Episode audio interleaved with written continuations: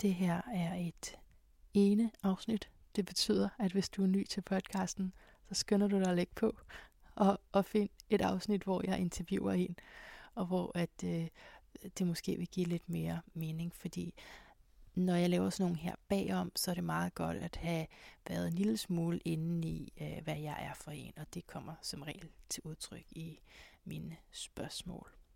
Og små fortællinger.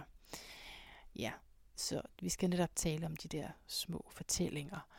Men jeg vil bare lige sige, at grunden til, at jeg laver den her nu, er, at jeg ikke kan lade være. Øh, jeg er nødt til at lave den her, som for at markere et skifte inde i mig. Og jeg håber, du vil være med på det at skifte. Det kan være, at du har skiftet utallige gange. Lad os nu ikke se tilbage. Men det har jeg jo også.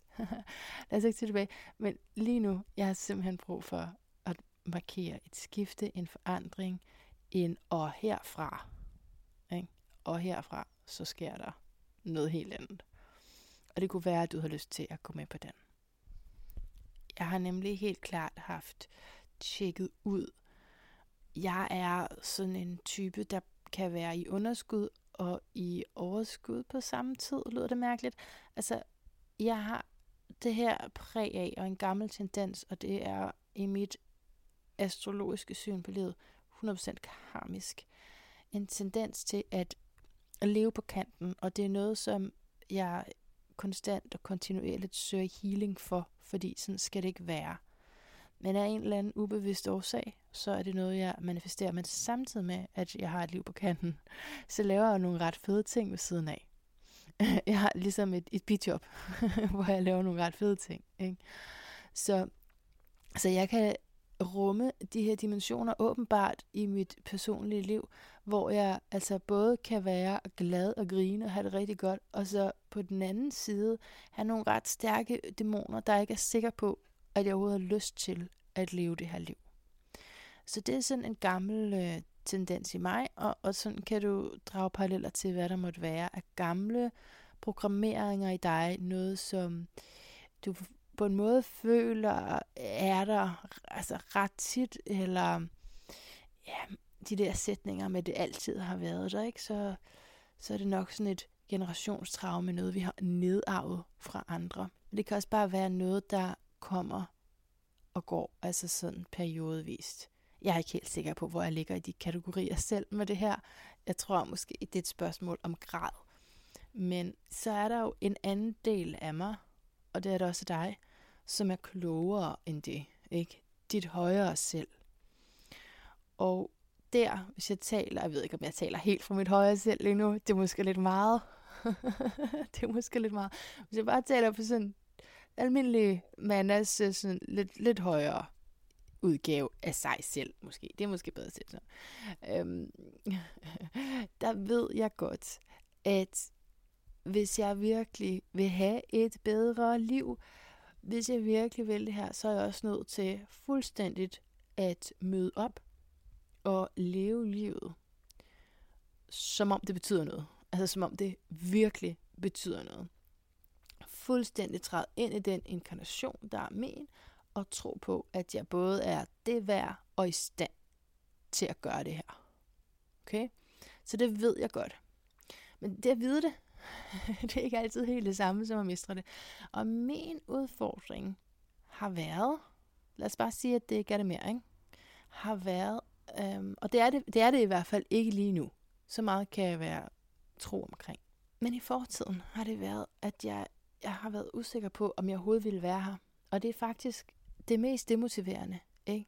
Hvis der ligger sådan en lille tvivl på, om man overhovedet gider, så er det altså det der med at gøre sit bedste, det, det, der kommer tit alle mulige undskyldninger ovenpå, som, nå, men hvis der er andre, der hellere vil have den, så tager I den bare, eller på en eller anden subtil måde, så nå, men jeg går bare herover og så behøver jeg altså ikke at leve det der drømmeliv alligevel. Altså sådan meget øh, selvdestruktivt egentlig. Og fordi det er så dyb en sporing i mig, så kan jeg nogle gange også nærmest ikke opdage det. Og jeg opdager det. Jeg ved, jeg ved udmærket godt, at jeg er tynget. Men jeg opdager ligesom ikke, at jeg, jeg opdager ikke, at jeg er kommet væk fra. Det lægger jeg ligesom ikke mærke til. og øh, nu, hvor jeg er back on track, og jeg ved ikke, om jeg er på et track, jeg har været på før, men øh, jeg er i hvert fald på nogle idéer og inspireret af nogle idéer, som jeg har helt klart har dyrket før. Faktisk de idéer, der overhovedet fik mig ind på den spirituelle vej. Altså yoga, meditation, mindfulness. Det var der, det startede for mig. Og af en eller anden grund, så jeg fuldstændig glemt det. Og jeg blev mindet om det, fordi jeg blev booket til netop at undervise i yoga og meditation. Og øh, så tænkte jeg, så må jeg lige læse op på det, fordi øh, det, nu har jeg lige siddet med en hel masse hæftig astrologi og tarotkort. Og... Altså, okay, okay, jeg har også Mm, der er jo meditation indgår jo for eksempel i det her tarotkursus, så for at overhovedet træde ind i et horoskop er jeg også nødt til at meditere, så det er ikke på den måde, men det er det her element af at komme til at være knyttet til mit problem, min omstændighed, det som jeg fortæller står i vejen for, for det, jeg gerne vil. Det har jeg været forknyttet til, og det er bare lige gået op for mig, at så kunne meditation hver eneste dag faktisk bruges som et opgør med den tilknytning, som en reminder i forhold til, at jeg i virkeligheden blot er ren bevidsthed, nærværet, nuet, sådan at jeg igennem den opmærksomme praksis kan fange de impulser, som vel er dem, der senere hen har fået mig i en eller anden redelig situation, hvilket jeg i øvrigt ikke vil kalde det, fordi meditationspraksis handler også om ikke at bedømme noget. Øh, så så det, var, det var blevet lidt støvet, ikke? den her, hvad er det nu, hvordan er det nu, hvad er mindfulness versus meditation? Lad mig lige se, ikke? Og i den læsning der, der var jeg bare sådan, åh, vent lige lidt. Hvorfor var det nu lige, at jeg holdt pause fra at meditere? Jo, jeg kan godt huske i starten af året, øh, hvor jeg dyrkede hardcore kundalini og tog flere meditationer om dagen, altså sådan nogle virkelig lange, hårde nogen, ikke? Jeg var helt ekset med det.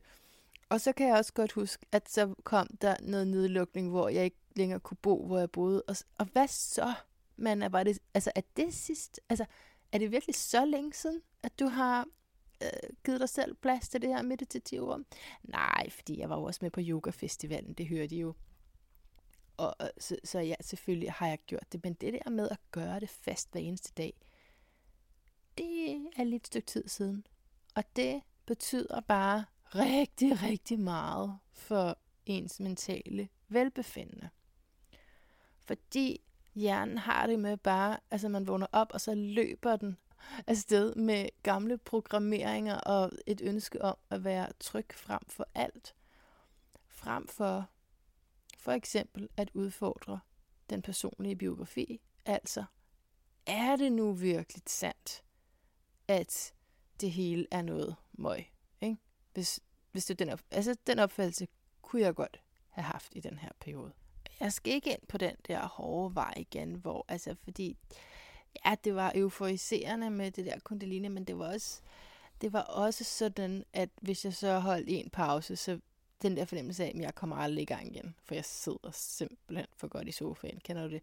Det var, det var bare for, too much. Det handler for mig om bare at gøre en lille smule, sådan at jeg hele hjertet kan engagere mig i det og holde fast i det vedvarende. Men altså at gøre den lille smule hver dag. Så der er jo mange former for meditation.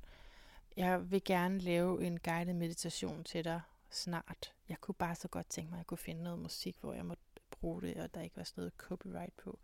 Men, øhm, og især hvis du skriver til mig, når du hører det her, at det vil du rigtig gerne have, at jeg gør, så kan det være, at det skal lidt hurtigere, hvis det er, at du rigtig gerne vil have, at gøre det. Øh, fordi øh, det, er, det er ret nice med de der, der, hvor man bliver guidet til, hvad man skal gøre. Men altså bare kort sagt, så du forstår, hvad jeg mener, og hvis du gerne vil deltage i det her skifte, så handler det altså om at sidde med sine øjne lukket, eller bare at man ser ned i gulvet, og så man fokuserer på åndedrættet, som flyder igennem kroppen helt naturligt. Og så at man i hvert fald potentielt får en fornemmelse af, at sindet opløses med vejrtrækningen. Fordi at man fokuserer på netop åndedrættet. Og så når tankerne kommer, så uden at dømme, så vender man tilbage til at fokusere på det, man var i gang med, altså at trække vejret. Og jeg kan godt være sådan lidt en hurtig type, og synes ikke, det er mega vigtigt med alle detaljerne. Så derfor kan sådan noget som en kort lille meditation, kan godt lige tænke, det betyder måske ikke lige så meget. Men det gør det bare. Og jeg husker det nu. Nu husker jeg det. Ikke også? Nu er jeg her. Hey, jeg er her nu. Jeg ved, hvor meget det faktisk betyder. Og jeg har mærket det her bare den sidste uges tid, hvor jeg har mediteret hver dag. Jamen, det er jo helt vildt. Jeg vil sige, at du kan mærke det efter en eneste session, hvis du har et så voldsomt følelsesliv, som jeg har. Og her tænker jeg igen på mit horoskop, hvor, hvor jeg, altså, jeg består rigtig meget af vand. Øh, især er jeg jo optaget af sydlige måneknude og Pluto, og det har jeg altså begge dele i vand og også i et vandhus, og jeg har også min sol der og, og forskellige andre ting i vand. Men det er bare for at sige, at jeg har sådan meget vigtige ting der. Og, og vand er jo rigtig godt, ikke? Men der er også en kobling til det at drukne. Altså derfor, at den her indre selvkritiske, jeg vil ikke engang sige måske, jeg har ikke følt, at jeg har kritiseret mig selv, men jeg har da kritiseret mit liv. Og der, hvor jeg er i mit liv, har jeg kritiseret rigtig meget. At det ligesom bare ruller, og hvor den ene tanke bare overtager den næste, og man på en eller anden måde bliver taget som gissel af det, der strømmer igennem en. Altså, så vand er rigtig godt. Der er naturligvis også receptiviteten i vand og alt det sjælelige. Så det er ikke så lidt endda, vel? Men på sådan mere menneskeligt og kropsligt plan, så har vand bare også nogle kvaliteter, der gør det ja, er rimelig ustabilt, ikke? Ligesom selvet i øvrigt. Der kan være alt muligt forskelligt, alt efter hvem man taler med, eller hvad det er, man taler om, eller hvad man, hvordan man lige sådan forbinder sig med sin egen fortælling på det tidspunkt. Men en anden symbolik, som jeg også har lært igennem til tarotkortene, det er, at det også er det ubevidste. Altså det, det kan man også sige i astrologien, men det bliver bare så tydeligt for mig der, når man ser vandet på sådan nogle kort, at det så mange gange peger mod det ubevidste. Og så prøve at forstå, at det, som er under vand, ja, det er noget, du slet ikke er klar over så er du ligesom nødt til lige at komme op og kunne trække vejret. Og meget af det vand, som vi ikke er klar over, er jo rigtig godt, fordi så har vi nogle intuitive skills, hvor man ikke skal anstrenge sig så meget for at sætte sig i andre sted, for eksempel, og for at samle op på diverse signaler. Men altså, der er, der er bare også en bagside, og jeg ved ikke om, øhm, om du ved, hvor du har din sydlige måneknude, men det var et meget interessant studie på et tidspunkt, altså at se bare, bare elementet, du har den, den i, og så, så naturligvis også din Pluto. Okay. Som et Albert Einstein citat siger, så er et menneskes sande værdi først bestemt af, hvilket omfang og hvilken forstand han har opnået befrielse fra selvet. Og der tænker jeg, selvet igen må være det, som vi kan komme til at identificere os for meget med. Det er de ydre belønninger, ydre ejendele, andre menneskers reaktioner på det, jeg identificerer mig med at være. Jeg så engang en film på det her Gaia, hvis du kender det, som er sådan en spirituel webkanal, som hedder noget i retning af at lære at blive ingen. Og præmissen er, at man altid lærer at prøve at blive a somebody, i den her kultur, hvor at i den, det meditative perspektiv, så handler det om at aflære at være nogen som helst overhovedet. At opleve væren mere rent, uden de kulturelle programmeringer, uden forvrængninger fra det, vi tænker og kommer til at slå i hardcore med, hvem vi er. Forstået på den måde, at jeg ikke længere er plaget af det voldsomme crowded sind. Og det er jo der, hvis man taler om dødstanker, altså nu siger det her med ikke at have lyst til at være her og sådan noget, ikke? Det kunne være alle, alle mulige andre besættelser, ikke? Det kunne også være, øh, det kunne også tælle min afhængighed, altså det, det kunne være alt muligt. Øh, altså det er jo der i sindet, at det er, og det får lov til at styre, især når jeg ikke rigtig altså, er opmærksom på det. Altså jeg ved ikke med dig, jeg håber med dig, men jeg er klar til at lad fortid være fortid, træde ind i det, der er nu, som i virkeligheden er det eneste, vi har. Og øh, ja, forholde mig åbent til fremtiden. Jeg kunne godt tænke mig lige at læse fra den her Jon kabat bog fra, hvad er det, 1994, noget skrevet i, eller i hvert fald, måske det faktisk bare der, den er udgivet på dansk. Nå, men øh, han skriver, vi binder os selv og låser os selv ved, tit ganske desperat, at holde fast i snævre opfattelser og selv vi skal håb og ønsker.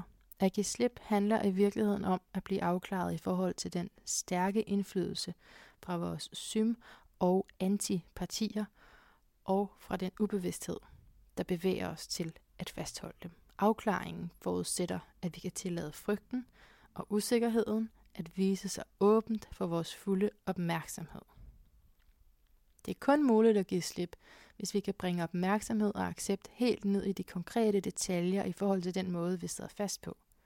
Vi skal give os selv lov til at opdage de linser, vi helt ubevidst skyder ind mellem iagtageren og det sete, og som derpå filtrerer, farver, fordrejer og former vores opfattelse. Vi kan åbne os i disse fastlåse øjeblikke, navnlig hvis vi er i stand til at indfange dem i opmærksomheden og opdage, at vi sidder fast.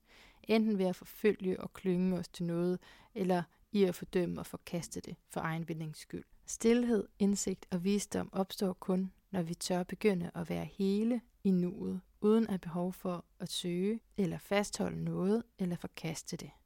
Det er en påstand, der lader sig efterprøve. Prøv den af, bare for sjov. Altså fra mit perspektiv, så handler en meditativ praksis netop om livsmestring, netop om alt det, den her podcast handler om, at kunne klare den ydre verden. Et forsøg på ikke at blive styret af de her tanker, som altså for mit vedkommende har været ubevidste. Jeg har ikke tænkt, jeg har plaget af tanker. Det har ikke været på den måde overhovedet. Men når at jeg kan blive ked af det, så er der gået noget forud for det. Det hedder tanker, følelser, krop. Og jeg skal indrømme, at jeg har haft meget fokus på problemet. Jeg har jo også skulle træffe nogle store valg, og det, som jeg har lært af at tale med rigtig mange meditationslærer og yogalærer, det er, at de siger, hvis man er i en eller anden øh, choktilstand eller frys flygt mode, så er det ikke der, du skal sætte dig ned og meditere. Det er ikke der, du skal i traumaterapi. Og der har mit issue så bare været, at som jeg startede med at sige, at jeg har egentlig haft begge dimensioner i mig. Jeg har jo altså nogle gange for eksempel været uden et hjem, og ikke har sovet i længere perioder, og derfor har følt mig rigtig, rigtig udslidt. Ikke? Og samtidig har jeg præsteret at øh, komme igennem mine dage og passe mine pligter for det meste. Ikke? Det har jeg faktisk gjort. Øh, og det har, det, har det har været rigtig hårdt, og det er ikke noget, jeg har et ønske om, at livet skulle være sådan, men det har det så været. Og det har jeg så måttet dele med. Og ja, så har i de perioder har jeg jo haft meget lidt overskud til at lave sådan en rytme, så, så ja. Og på den anden side, så har jeg også haft allermest brug for det. Så jeg må bare sige, at nu har jeg altså overskud til det, så nu er det godt nok en luksus, som jeg rækker ud efter og tager. Det er så vigtigt, og, og vi kan, man skal bare sidde der. Ikke? Altså man behøver ikke det der. Kun, altså, endelig dyrk kundalini. I øvrigt, hvis du hører det her, og øh, er vild med kundalini, så kan det godt være, at jeg gerne vil interviewe dig.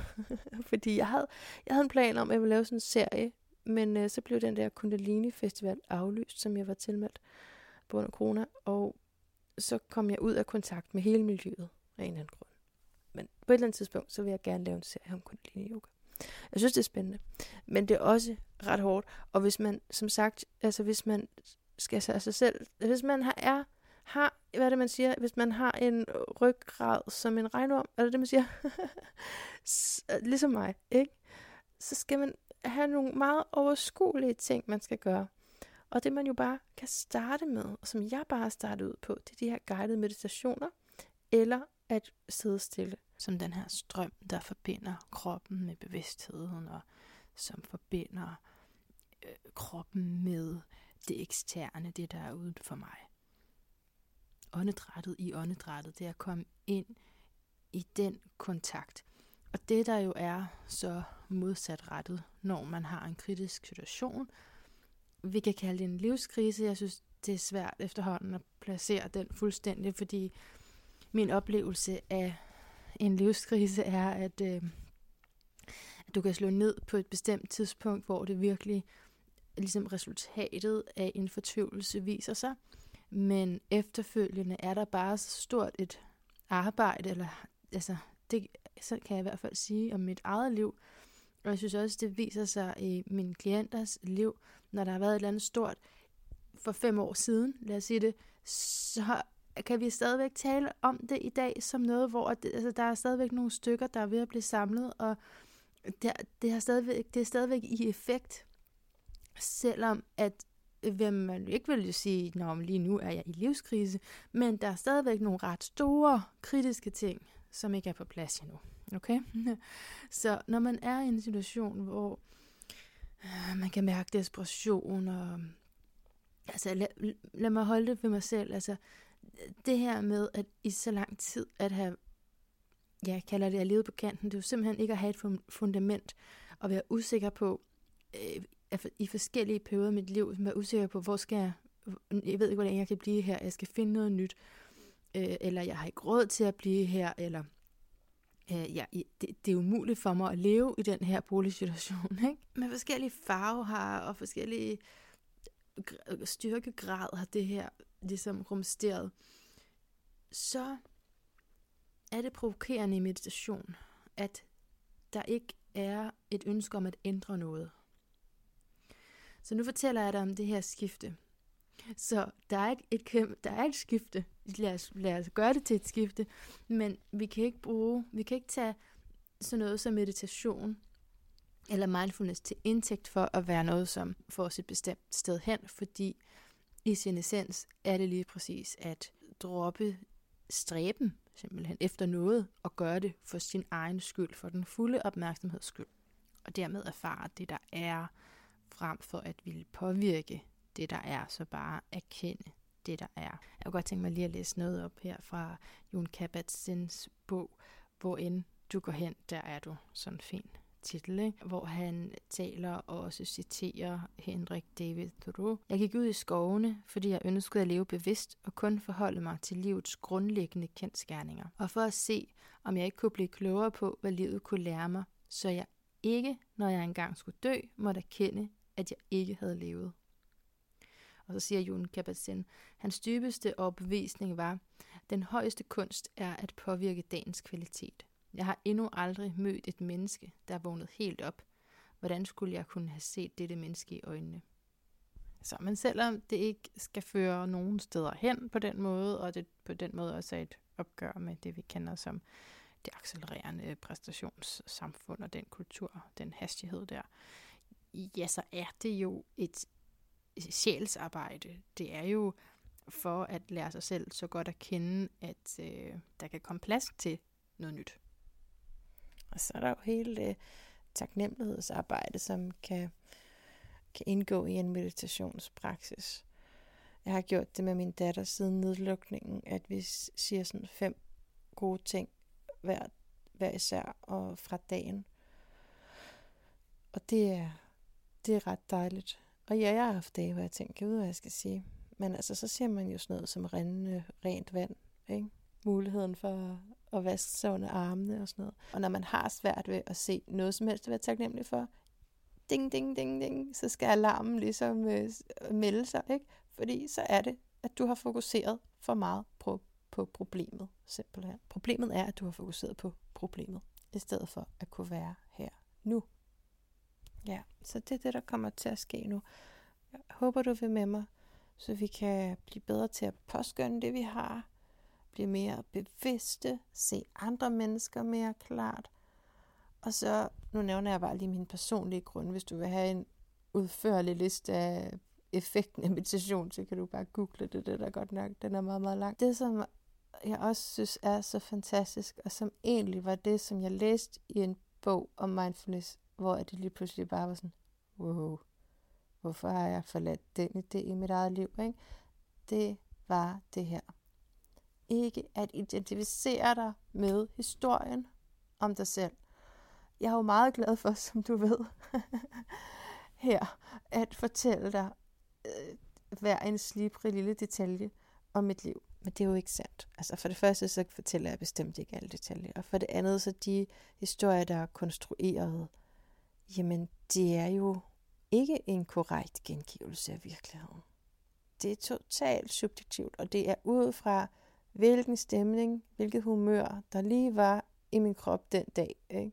Og jeg synes, vi skal blive ved med at dele. Jeg vil så gerne høre din historie. Jeg kommer også til at kaste med flere år efter dig, men der skal bare være noget andet også. Og en fornemmelse af, at jeg er mere end det, jeg fortæller. Mere end det, der skete med mig. Og også et sted, hvor jeg kan finde ro til at påvirke det, der sker med mig, uden at engagere mig i det, uden at deltage i det aktivt. Ja, jeg håber, du kan følge mig. Det er bare sådan en fornemmelse, jeg har af, at der virkelig sker noget der i mødet med en selv. Der vil jeg lige læse et Jon Kabat-Zinn citat op igen.